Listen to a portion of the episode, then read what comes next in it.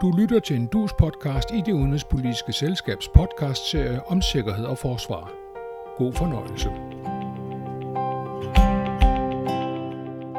Tre topmøder på en dag, det er nok rekord, selv for det topmødevandte Bruxelles. Det var den russiske præsident Putins krig i Ukraine, som fik lederne af NATO, de store industrilande i G7-gruppen og EU til at samles i den belgiske hovedstad. USA's præsident Joe Biden kom til NATO-topmøde og møde i G7, og lidt usædvanligt også som gæst på et EU-topmøde. Men hvad kom der egentlig ud af det her, og hvor står Europa her tre topmøder senere? Det skal vi tale om i dag. Og vi er denne gang professor, dekan på det samfundsvidenskabelige fakultet på Københavns Universitet, Mikkel Hvidby Rasmussen, vores faste dus podcaster, sikkerhedspolitisk journalist Tage Bagmand, og for bordenden mig, Charlotte Flint Petersen, direktør for det udenrigspolitiske selskab. Velkommen til jer, og velkommen til alle, der lytter med. Mikkel Vedby Rasmussen, de tre topmøder viste et Vesten så samlet som sjældent siden den kolde krig. Men er det så en mere grundlæggende enighed, eller handler det kun om Ukraine? Det er jo et meget, meget godt spørgsmål. Så godt, vi starter der, fordi det tænker jeg sådan set, vi kunne tale om resten af, resten, resten af podcasten. Øhm, for det første tænker jeg, at de topmøder handlede om at sikre koalitionen, der, øh, der sikrer sanktioner øh, mod Rusland, og som sikrer at støtte øh, Ukraines regering. Så på den måde er det et samlet Vesten nok også mere samlet, end mange af os havde regnet med. Men det topmøderne vel også gjorde, det var, at de ligesom, øh, de ligesom åbnede næste akt i, øh, i den her krig, eller i hvert fald så den del af krigen, som, som, som blev udkæmpet i Bruxelles. Øhm, og der er jeg ikke sikker på, at konsensusen er helt så, så, så, så tung. Altså der kan jo komme nogle meget, meget svære spørgsmål fra Vesten, nok også ganske snart, om, om, om krigen i Ukraine. Skal man gribe mere ind? Skal man øh, øh, udvide øh, sanktionerne mod Rusland til at omfatte gas og olie? Der kan det være sværere at nå en konsensus, end det har været at nå om en konsensus om at, at støtte den, den, den ukrainske her og indføre sanktioner mod Rusland. Og tage, der kom stærke ord fra NATO-lederne, blandt andet fra Stoltenberg. Men øh, er der egentlig handling bag? Altså det kommer an på, hvad man taler om, fordi der er handling bag, når det drejer sig om at styrke alliancen. Men hvis det handler om at finde ud af, hvordan man skal håndtere Putin, så er der jo ikke handling bag. Og der skal man måske være øh, så gammel som jeg er, øh, for at, øh, at kunne se nu, at i 1990-91, da den kolde krig forsvandt, og militærblokken forsvandt, der blev stående tilbage det, der gik under øh, betegnelsen terrorbalancen. Balancen styrer, hvordan vi håndterer Ukraine-krisen. Terrorbalancen var, at den store fred krævede ofre, og der var ikke noget at gøre ved det. Øh, man kan spørge befolkningerne i DDR, i Ungarn, i Tjekoslovakiet, hvorfor øh, vi ikke gjorde noget, da russiske kampvogne trillede ind i Budapest og Prag og, og Østberlin. Og det gjorde vi ikke, fordi vi vidste, at selv en skidtknægt, og i 53 var det jo en rigtig skidtknægt, vi havde i, øh, i, i Moskva, selv en skidtknægt var man nødt til at tale med, hvis han, som Putin nu, sidder på 1500 fremføringsmidler til, til øh, strategiske atomvåben, og i hvert fald 5-6.000 sprænghoveder. Der er ikke noget at gøre. Og det ukrainerne langsomt lærer, og som Stoltenberg ikke har turet sige højt, det er, at logikken her er, at Ukraine bliver offret for at bevare den store den store fred. Og det ændrede topmødet i NATO ikke en ved. Hvad mener du, Mikkel, når Stoltenberg siger, at det får store konsekvenser, hvis man for eksempel bruger øh, kemiske våben? Hvad, hvad, hvad ligger der i det? Det tror jeg ikke, Stoltenberg selv ved. Men jeg, jeg tror, det der jo er den grundlæggende sandhed, som, som, som Tage lige har sagt, det er, at, at, at Vesten jo ikke kan og ikke vil øh, gribe direkte ind i Ukraine, øh, og som sådan ligner det øh, alle øh, sovjetiske interventioner, vi, vi, vi kan huske øh, i, i løbet af den kolde krig. Det, der vel er forskellen her, det er, at Vesten har fået et vindue, som de måske ikke regnede med at få, øh, som gik ud på, at, at Ukraine har kæmpet godt, og Rusland har kæmpet dårligt. Øh, og øh, resultatet af det har været, at det faktisk har været muligt at, øh, at fastholde den russiske hær i en, i en kamp, som slider den ned, øh, som gør Rusland i virkeligheden mindre, mindre stærkt militært, og som, hvis Vesten fortsætter med at støtte ukrainerne, meget, meget vel kan ende med, at, øh, at Rusland bliver bundet i en konflikt i Ukraine, som, som i virkeligheden bliver svær for russerne at håndtere. Så, så den NATO-strategien har vel været, siden den russiske invasion, at prøve at holde krigen i, i Ukraine, for som Tage sagde, hvis den spreder sig, så, så har det nogle konsekvenser, som vi faktisk ikke har lyst til at, at tage. Øhm, men på den anden side, også sørge for, at der bliver ved med at være krig i Ukraine. Fordi det er i virkeligheden det, der er i vestens interesse. Og det, det, det kan lyde enormt kynisk, og det er det måske også. Ja, fordi øh, hvorfor er det i vestens interesse, at krigen bliver i Ukraine? Jamen, hvis, du, hvis du ser på, på øh, vestlige krigsspil, øh, der er blevet lavet de sidste, de sidste 10-15 år, om, om, om hvordan NATO skulle forsvare sig mod, øh, mod et russisk angreb.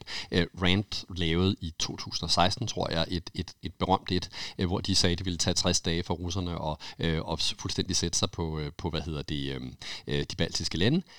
Undskyld, jeg tror ikke, det var 60 dage, jeg tror, det var 60 timer. Det var i hvert fald kort tid. Uh, pointen med det var, at, at så NATO har jo ikke for alvor koncentreret sig om at skulle for, øh, forsvare sin østflanke militært. Man har, som Tage ganske rigtigt sagde, forlit sig på, at der var atomafskrækkelse, og derudover så troede man på sådan en masse ting om stabilitet og den slags ting, så, så man behøvede ikke at have et konventionelt forsvar mod Rusland på samme måde, som vi havde under den kolde krig. Resultatet af det jo er jo, at alle har frygtet, at det Rusland gjorde, det var, at de på de der 60 timer lynhurtigt tog de baltiske lande og sagde, nej okay, hvad så? Og hvis vores svar så var, ikke så meget, øh, så ville NATO's afskrækkelse være forsvundet, og alliancen ville i virkeligheden de facto være holdt op med at eksistere. Det var ikke den vej, Rusland tog. De gik ind i Ukraine, som er et land med 44 millioner mennesker, som, øh, hvor en meget, meget stor del af dem er gode til at slås, som vi har, vi har set de sidste par måneder. Og dermed har Rusland jo, jo, hvis de nu endelig skulle angribe, gjort det værste, de kunne gøre, og det bedste, de kunne gøre ud fra NATO's synspunkt. Så, så NATO har nu tid til at bygge, bygge sine styrker op, alt imens russerne slider deres ned. Tage, er det også derfor, at vi øh, faktisk er så åbne over for de ukrainske flygtninge, fordi at ukrainerne i virkeligheden også kæmper vores krig? Altså, det gør de jo. Øh, men, men, men moralsk og på en hver anden måde øh, vil vi ikke være i stand til at sige, nej, vi tager ikke imod de ukrainske øh, flygtninge. Blandt andet fordi vi har dårlig samvittighed, fordi vi ved godt, at, øh, at der kommer ikke nogen NATO-soldat øh, ind over den ukrainske grænse for at slås mod russerne. Der kommer heller ikke nogen fly, øh, flyveforbudszone, og det gør der ikke, fordi hvis man skal gennemføre sådan en teknisk, så er man nødt til ikke bare at øh, kunne skyde de øh, russiske fly og missiler ned i ukrainsk luftrum, øh, man er nødt til at sørge for, at ens egne fly ikke kan blive skudt ned. Øh, og det betyder for eksempel, hvis vi tænker på situationen op omkring Kharkiv, som ligger meget tæt på den russiske grænse, så betyder det, at der vil være øh, øh, russisk luftværn, øh, antiluftskyts, på den anden side, over på den russiske side, og dem er vi nødt til at, øh, at eliminere. Vi er nødt til at angribe dem og, og smadre dem øh, for at kunne lave en flyveforbudszone. Og så angriber vi russiske styrker på russisk territorium, og så har vi den optrapning, der fører direkte op i en, i en øh, atomeskalation. Øh, det ved NATO godt. Det ved Zelensky garanteret også godt, men hans opgave er at blive ved med at minde os om, hvad det er for en dårlig samvittighed, vi sidder med, øh, sådan at, øh, at hjælpen til Ukraine, den hjælp vi kan yde, den bliver ved med at flyde, øh, og sådan at dørene for de ukrainske flygtninge også bliver ved med at blive holdt åbne, så, så der er en sammenhæng. Men for eksempel, kan, kan krigen ikke have så store konsekvenser for os også? Altså nu, nu tænker vi på de økonomiske konsekvenser. Det er vel også noget af det, som man diskuterede på EU og G7-mødet. Altså de økonomiske konsekvenser af, af, af stigende gaspriser, hvede, der ikke bliver lavet øh, øh sået, øh, og som ikke bliver solgt så, og øh, fødevareusikkerhed, og alt det, der ligesom kommer af alt det her. Er det ikke, altså, er det ikke i vores interesse i virkeligheden at forsøge at stoppe krigen så hurtigt som muligt, i forhold til den anden usikkerhed, der er? Jo, men der har de, der har de allierede jo ikke nødvendigvis de samme interesser. Altså, øh, det EU øh, og USA jo blandt andet blev enige om i Bruxelles, det var, at USA kunne sælge, øh, hvad hedder det, flydende, flydende gas til, til EU. Det passer vel amerikanerne meget fint de er ikke super afhængige af, af russisk energi. Selvfølgelig er de ikke glade for, øh, for, for for prisudviklingen, men de har også hvedemarker, og det har kanadierne også. Det er jo for alvor Tyskland øh, og en række andre europæiske lande, som, som har noget i klemme her. Øh, og jo selvfølgelig derfor også tyskerne, som har været øh, dem, der var aller længst tid om at komme hen til, til hvad hedder det, øhm, øh, til, til at skabe en fælles konsensus, og dem, hvor man måske stadigvæk kan spørge sig selv om, hvad det egentlig betyder, når de taler om, de har, de har lavet en ny udenrigspolitik, uden he, egentlig helt at fortælle, hvad det nye så i den er, eller hvad politikken er for den sags skyld. Så det Tage beskrev før om muligheden for, at det her kan eskalere i den store krig, det er på den ene side det, de er bange for. På den anden side er de vel også bange for den lille krig. Altså, vi har jo i den grad vendet os til de sidste 20-30 år, at hvis der er et eller andet, Vesten for alvor er utilfreds med, så kan vi gribe militært ind. Som Tages meget rigtigt beskriver, så er det ikke tilfældet, når man står over for en atommagt. Heller ikke med så store konventionelle styrker, som russerne trods alt har. Altså det her, det er ikke at invadere Irak, hvis vi nu skulle gå i krig øh, med, med, med Rusland på den ene eller den anden måde.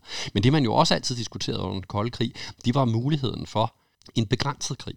Altså i, i hvor, i, hvor mange, i hvor mange dage og uger, måneder måske, kunne Varsjava-pakten og NATO have kæmpet mod hinanden konventionelt, indtil krigen eskalerede. Og hvis den så eskalerede, ville den så eskalere til, at man brugte taktiske atomvåben i første omgang, og så først senere kom i det Asumar Ragnarok.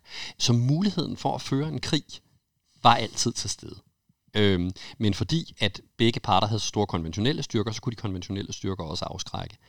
NATO har, har sparet så meget på, på det fælles forsvar i så mange år, at vi ikke har en reelt konventionel afskrækkelse, det har det stadigvæk ikke. Altså, øh, NATO talte på det, på det der topmøde op, at de havde 40.000 mand stående på Østflanken, og det lyder jo af meget, men det er altså en Østflanke, der går fra Estland til Bulgarien, ikke? Altså, øh, helt, eller til Tyrkiet jo i virkeligheden. Øh, det er ingenting. Så hele forudsætningen, også i NATO's forsposter, det er jo, at vi ikke kommer i krig, og det bekræfter jo bare, hvad Tage sagde. Det har vi ingen planer om. Det vi jo til gengæld kan være nervøse for, det er, at russerne kan have en plan om det. Fordi hvad nu, hvis det går så dårligt i Ukraine, at de føler, at der er simpelthen behov for at, for at skifte fokus? Man skal gøre noget andet. Øhm, og det er jo også derfor, at, øh, at, at NATO bliver ved med at sende ganske vist ikke særlig store styrker ind i de baltiske lande, fordi var det ikke et relativt godt bud, hvis det nu var, at Rusland ville gøre noget andet, end der, hvor de var kørt fast i Ukraine. Der må man jo stole på de vurderinger, der er blandt andet fra, fra danske militære øh, analytikere, men også øh, mange andre, som siger, at på et eller andet plan handler Putin rationelt. Øh, og det vil han også gøre, når det kommer til at overskride atomtasken.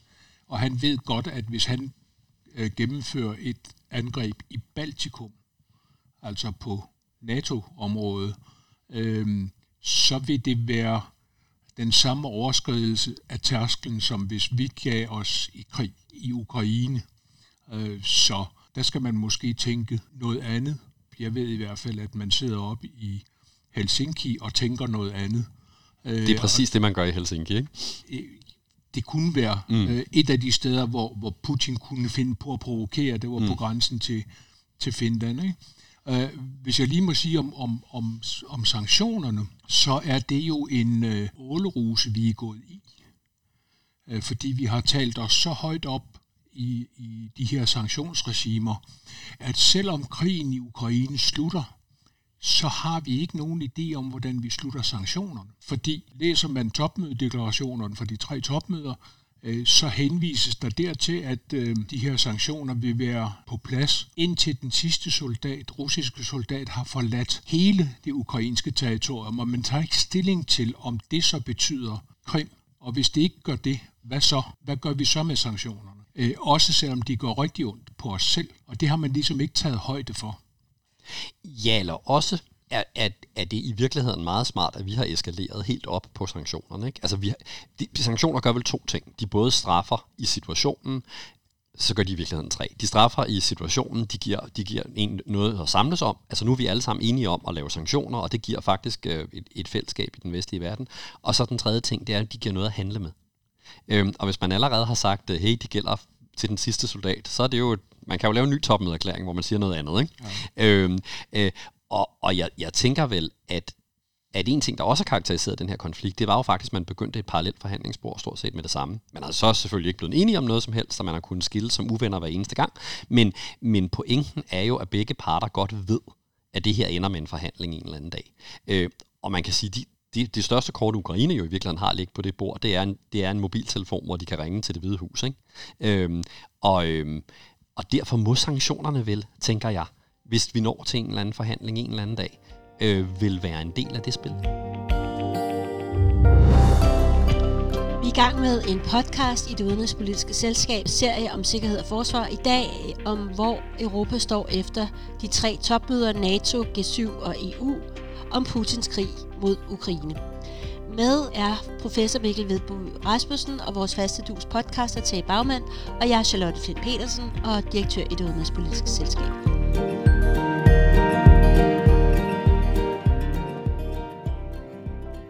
Mikkel, øh, jeg er jo sådan lidt tvivler lidt på de der sanktioner. Jeg synes, der mangler noget ordentlig forskning, forskning om forandringsteorien øh, bag forskellige typer sanktioner, og, og har meget svært ved at komme op med nogle sanktioner, som vidderligt har haft den virkning, som man ønskede andet end sådan straffende, eller øh, vi, vi, vi viste samlet solidaritet.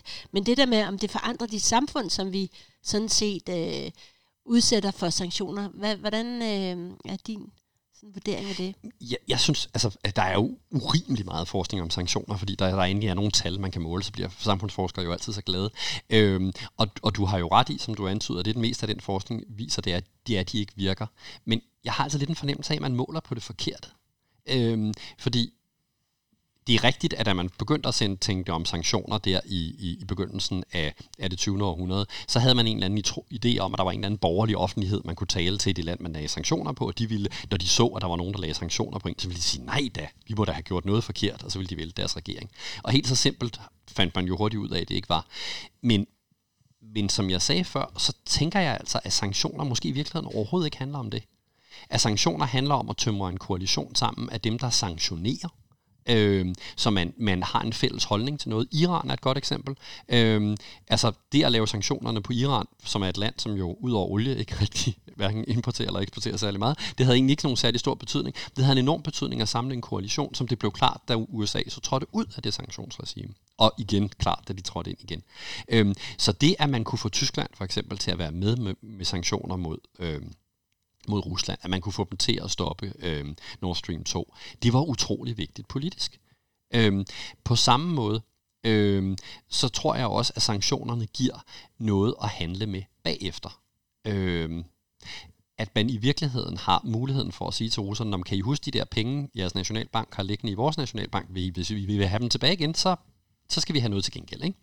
Øhm, så synes jeg, at det, der har fascineret mig ved sanktioner denne gang, er, hvordan de, sådan, de i virkeligheden er blevet en del af sådan virksomheders altså corporate social responsibility-politik. Altså alle pæne mennesker skal sanktionere Rusland. Øhm, øh, og øh, selv øh, virksomheder som Carlsberg, som er dybt investeret i det, og vil på mange måder ikke følte, de havde råd, tænkte, okay, enten så kan vi ikke skænke fadøl i København, eller også må vi hoppe ud af, af, af det her sanktionregime. Og det gør jo nettet tættere, end det plejer at være. Men, men at tro, at sanktioner skulle gøre, at den russiske her trak sig tilbage i Ukraine, øh, det er selvfølgelig naivt. Men på den anden side synes jeg egentlig også, det er lige så naivt at sige, at de sanktioner overhovedet ikke har nogen betydning. Øh, fordi selvfølgelig har de det. Øh, sagen er jo bare, og Tage sagde det jo formfuldt lige før, det er ikke vestens politik at gribe ind i krigen i Ukraine på en måde, hvor vi skal nedkæmpe Rusland. Så har vi gjort noget andet. Øhm, vi, vi prøver at gøre den krig så dyr for dem, som overhovedet muligt på så mange parametre, vi, vi kan finde. Men tag, er vi afskrækkende nok? Altså, jeg, jeg, synes, jeg, synes, som, jeg synes jo hele tiden, at vi mangler noget afskrækkelse i det her. Altså, kunne vi ikke have været mere afskrækkende i udgangspunktet? NATO's afskrækkelse er jo født til at afskrække et angreb på NATO's område. Øh, og nu må jeg prøve at gribe lidt tilbage til, øh, til Krimkrisen i 2014. Øh, fordi da, da Putin havde taget Krim, øh, der tænkte alle jo en hel masse tanker om, hvad der nu skulle ske. Jeg kan huske, at jeg stod, vi stod ude i dit køkken, Mikkel, øh, og du sagde, at det her det forandrer alt. Øh, I havde lige øh, lavet øh, Ukraine-rapporten. Øh, hvad gør vi med Rusland nu? Øh, og der har I en række anbefalinger. Øh, en af de anbefalinger var, at vi skulle finde ud af, øh, hvordan NATO håndterer sikkerhedsgarantier for partnerlande, mm-hmm. øh, og hvordan EU håndterer partnerlande. Øh, kom man aldrig nogen vej med. Der skete bare ikke noget. Øh, øh, og, og der kunne vi godt have været på forkant. Og der kunne måske have ligget en lille afskrækkelsestærskel over for, over for øh, Putin. En anden anbefaling, som vi havde, var jo, et, at vi øh, hurtigst muligt skulle se at gøre os fri af energiafhængigheden af, af Rusland, og det er altså Øh, det var også en fin, fin anbefaling jamen, for jamen, jamen, jamen, det var det. Øhm, og, og en tredje anbefaling var så, at øh, man skulle hurtigst muligt op på 2% af BNP i, i, i NATO. Jeres anbefaling, man skulle gøre det hurtigt, nemlig inden for 15 år, det vil sige 2029. Ikke? Øh, så mere ambitiøst var det så heller ikke, kan man sige. Det virkede til gengæld rimelig, rimelig vildt på det tidspunkt, sjovt. Ja, ja. Men, men altså, når du spørger om, hvad med afskrækkelsen, jamen det er måske der, øh, kæden på en måde hoppet af for, øh, for NATO, fordi øh, man ikke, da man lavede den her vedtagelse, der hed øh, Ukraine og Georgien vil blive medlem af NATO, der var en, en eftersætning, som man aldrig citerer, nemlig når de opfylder betingelserne, og det gør de stadigvæk ikke.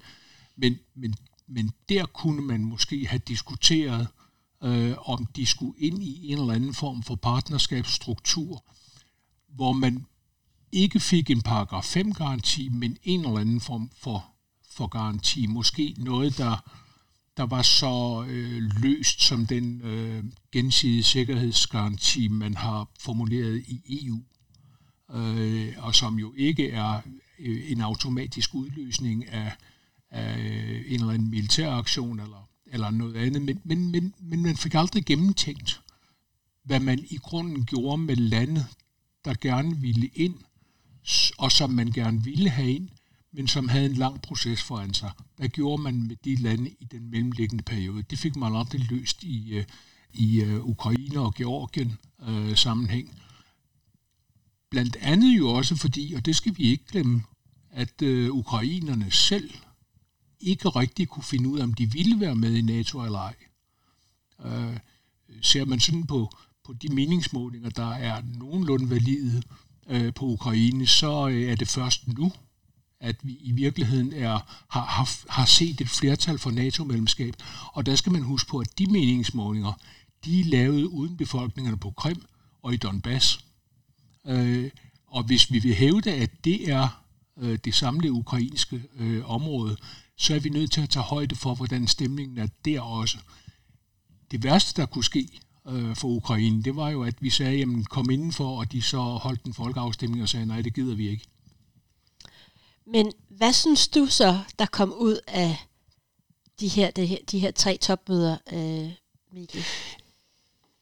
Nå, men der, der, der kom det, som jeg tror, man ville have ud af dem. Altså en, en, en understregning af, at Vesten stod fast og stod samlet. Øh, en, en advarsel til Rusland om at bruge masseudlæggelsesvåben i, i, i hvad hedder det, øh, i Ukraine, men også andre steder, øh, og en gentagelse af, øh, af at altså, det er NATO's territorium, der er heldigt for NATO, øh, der skal ikke komme videre ind. Og det, det var sådan set jo fint nok. Altså, øhm, og det med at holde topmøderne på samme dag, og sådan, altså, det var sådan øh, vestlige sammenhold med vestlige sammenhold på. Ikke? Øhm, det, øh, det, det, kan, det kan jeg sagtens se virker, og så går jeg ud fra, at der også er nu har de jo også holdt møder, hvor alle vi andre ikke sad og lyttede på, og der har sikkert været nogle diskussioner lidt af dem, vi, vi, vi har gang i her. Det er ikke nogen særlig stor hemmelighed, at polakker og andre synes, at tingene godt kunne være på en lidt anden måde, end de er. Øhm, øh, og, og så er der sikkert nogen, der andre steder, som, som ikke er helt så, så offensive. Så der har været behov for at tale det igennem, og de har været haft behov for at se hinanden i øjnene. Øhm, men så nåede de jo heller ikke længere. Altså alle de spørgsmål, der ligger foran os, øhm, hvor man jo godt kan spørge sig selv om, hvor meget det der sammenhold så i virkeligheden øh, batter. Øh, det skal der jo holdes nye møder om. Altså ja. man, man kan sige, der, der skete i virkeligheden ikke så meget nyt, men det der måske skete, øh, det var, at man pludselig fokuserede øh, og koncentrerede nogle udviklingslinjer, som var der i forvejen. Mikkel øh, nævnte før øh, den øh, ændrede tyske holdning. Øh, og, og, og det gjorde man jo meget ud af, og var meget ophidset over øh, Scholz' tale i forbundsdagen, som var en flot tale og alt muligt, men, men det var jo øh, et eller andet punkt på en udviklingslinje, der har været i gang siden 1999, da, da Tyskland tog det virkelige skridt og gik med i krigen øh, om Kosovo. Øh, det var sådan, der tærsken blev, blev øh, overskrevet. Diskussionen i Tyskland har siden da været ikke om, men hvor meget. Øh, og her gik øh, Scholz et skridt videre. Øh, det samme var tilfældet med, med, øh, med spørgsmålet om, øh, hvor meget Europa skal kunne selv. Øh, det var ikke noget Scholz opfandt, det var Merkel, der, der øh, under indtryk af, af Trump-topmødet i NATO øh, sagde, øh, vi må erkende, at vi ikke altid kan stole på vores amerikanske allierede, øh, så Europa skal kunne mere selv. Øh, så det er en udviklingslinje. Øhm, og hvis jeg lige må gøre den færdig, så øh, øh, er tyskerne jo sådan lidt, lidt, lidt underlige i hele den her diskussion om afhængigheden af gas fra, fra Rusland, fordi alle siger, at det er jo frygteligt, at Tyskland har begivet sig ind i den her uafhængighed. Der er ingen, der husker, at Tyskland begav sig ind i den afhængighed af russisk gas, fordi de ville ud af afhængigheden af den mellemøstlige gas i, i 70'erne, hvor de øh, olieproducerende arabiske lande øh, forsøgte at presse Tyskland til at føre en anti-israelsk øh, politik. Øh, og derfor måtte man ud af afhængigheden øh, efter de bilfrie søndag og alt det der. Øh, og, og den eneste mulighed, man kunne se, det var så at begive sig ind i en afhængighed af, af, af russisk gas. Vi havde jo også den japanske premierminister, og det er jo lidt også en sjov, altså i al den her konfiguration, så har vi Kanada og USA og øh, Boris Johnson lige pludselig tilbage lidt i EU-regi-agtigt. Der er nogle lidt sjove øh, sådan, øh, persongalleriet også, ikke? Jamen, jeg tænker for, for britterne, øh, og ikke mindst for Boris Johnson, der jo unægteligt havde sine problemer inden den her krise, og jo sådan set stadig har det. Øh, der har det her jo været en kærkom lejlighed til at vise, at, at øh, Øh, Storbritannien stadigvæk er en europæisk stormagt, fordi de, de er med i NATO, ikke? så der, den, kunne han, øh, den, kunne han, den kunne han lige tække af.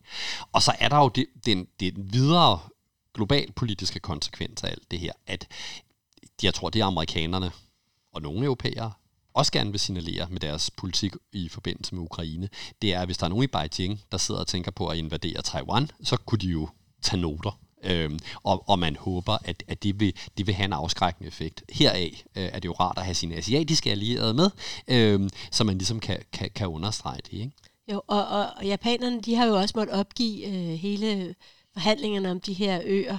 Som, igen. igen, ja. igen. øh, på grund af krigen i Ukraine. Mm. Ja, fordi nu er det ligesom taget af bordet.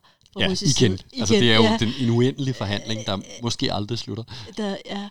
Øhm, men øhm, så grundlæggende, så blev der også talt rigtig meget som, øh, også om energisikkerhed. Altså, at der var sådan, nu, nu skal vi ud af det her. Men øh, blev der, var der noget, der blev committed? Rigtigt. Men jeg tænker, nu, du talte, øh, tage meget rigtigt før om de der lange linjer. Der er jo en anden lang linje, der sådan kommer ind fra siden på det her, nemlig hele klimadagsordenen.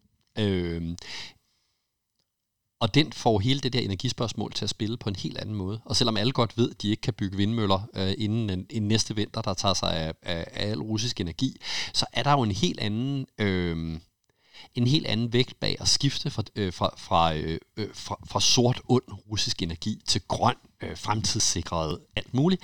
Øh, øh, så, så Rotage beskrev, hvor den, hvor den Tyskland i, i, i 70'erne måtte skifte fra, den, fra, fra gas det ene sted til det andet sted, så skal de nu, nu skifte til noget helt andet.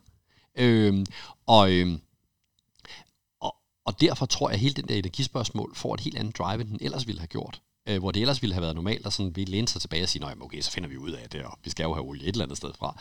Øh, så, så bliver spørgsmålet jo nu, om, om man simpelthen kan, kan, kan gøre nogle andre ting. Øh, og det kan da så godt være, at EU's energiplaner om det her virker som om, at, at sådan det, det mest konkrete forslag, det er, at vi skruer ned for varmen. Men, men altså på sigt var den her omstilling jo i gang under alle omstændigheder. Og, og derfor tror jeg da, at, øh, at det kan da godt være på kort sigt, at, at konsekvensen af det her bliver, bliver øget CO2-udledning, for skal vi til at fyre kul eller et eller andet af i stedet for. Ikke? Øh, men på længere sigt, så har, har, har Putin da været en af dem, der har gjort allermest for omstillingen af energi i Europa, så øh, det er vel godt på en eller anden måde. Omstillingen var i gang i forvejen, men men, men det vi kan se, i, i, øh, især i øh, EU-topmødet, øh, referatet, det er jo, at man virkelig tog fat på knasterne i, i den omstilling. At man siger, nu skal vi have øh, vores øh, elnetværk til at spille sammen. Nu skal vi have fjernet de der flaskehalse, sådan at vi kan lade, den grønne energi strømme frit i Europa. Vi skal sørge for, at det stadigvæk er et, et, øh, et enkelt energimarked, vi har. Vi skal ud og forhandle øh, energi samlet, så vi kan få øh, nogle billigere priser. Øh, ironien i alt det her, når vi nu talte om Tyskland før, det er jo, at det første tyskerne så gjorde, det var at rende ned til de arabiske lande øh, og gøre sig afhængige af dem en gang til. Ikke? Historien gør i ring.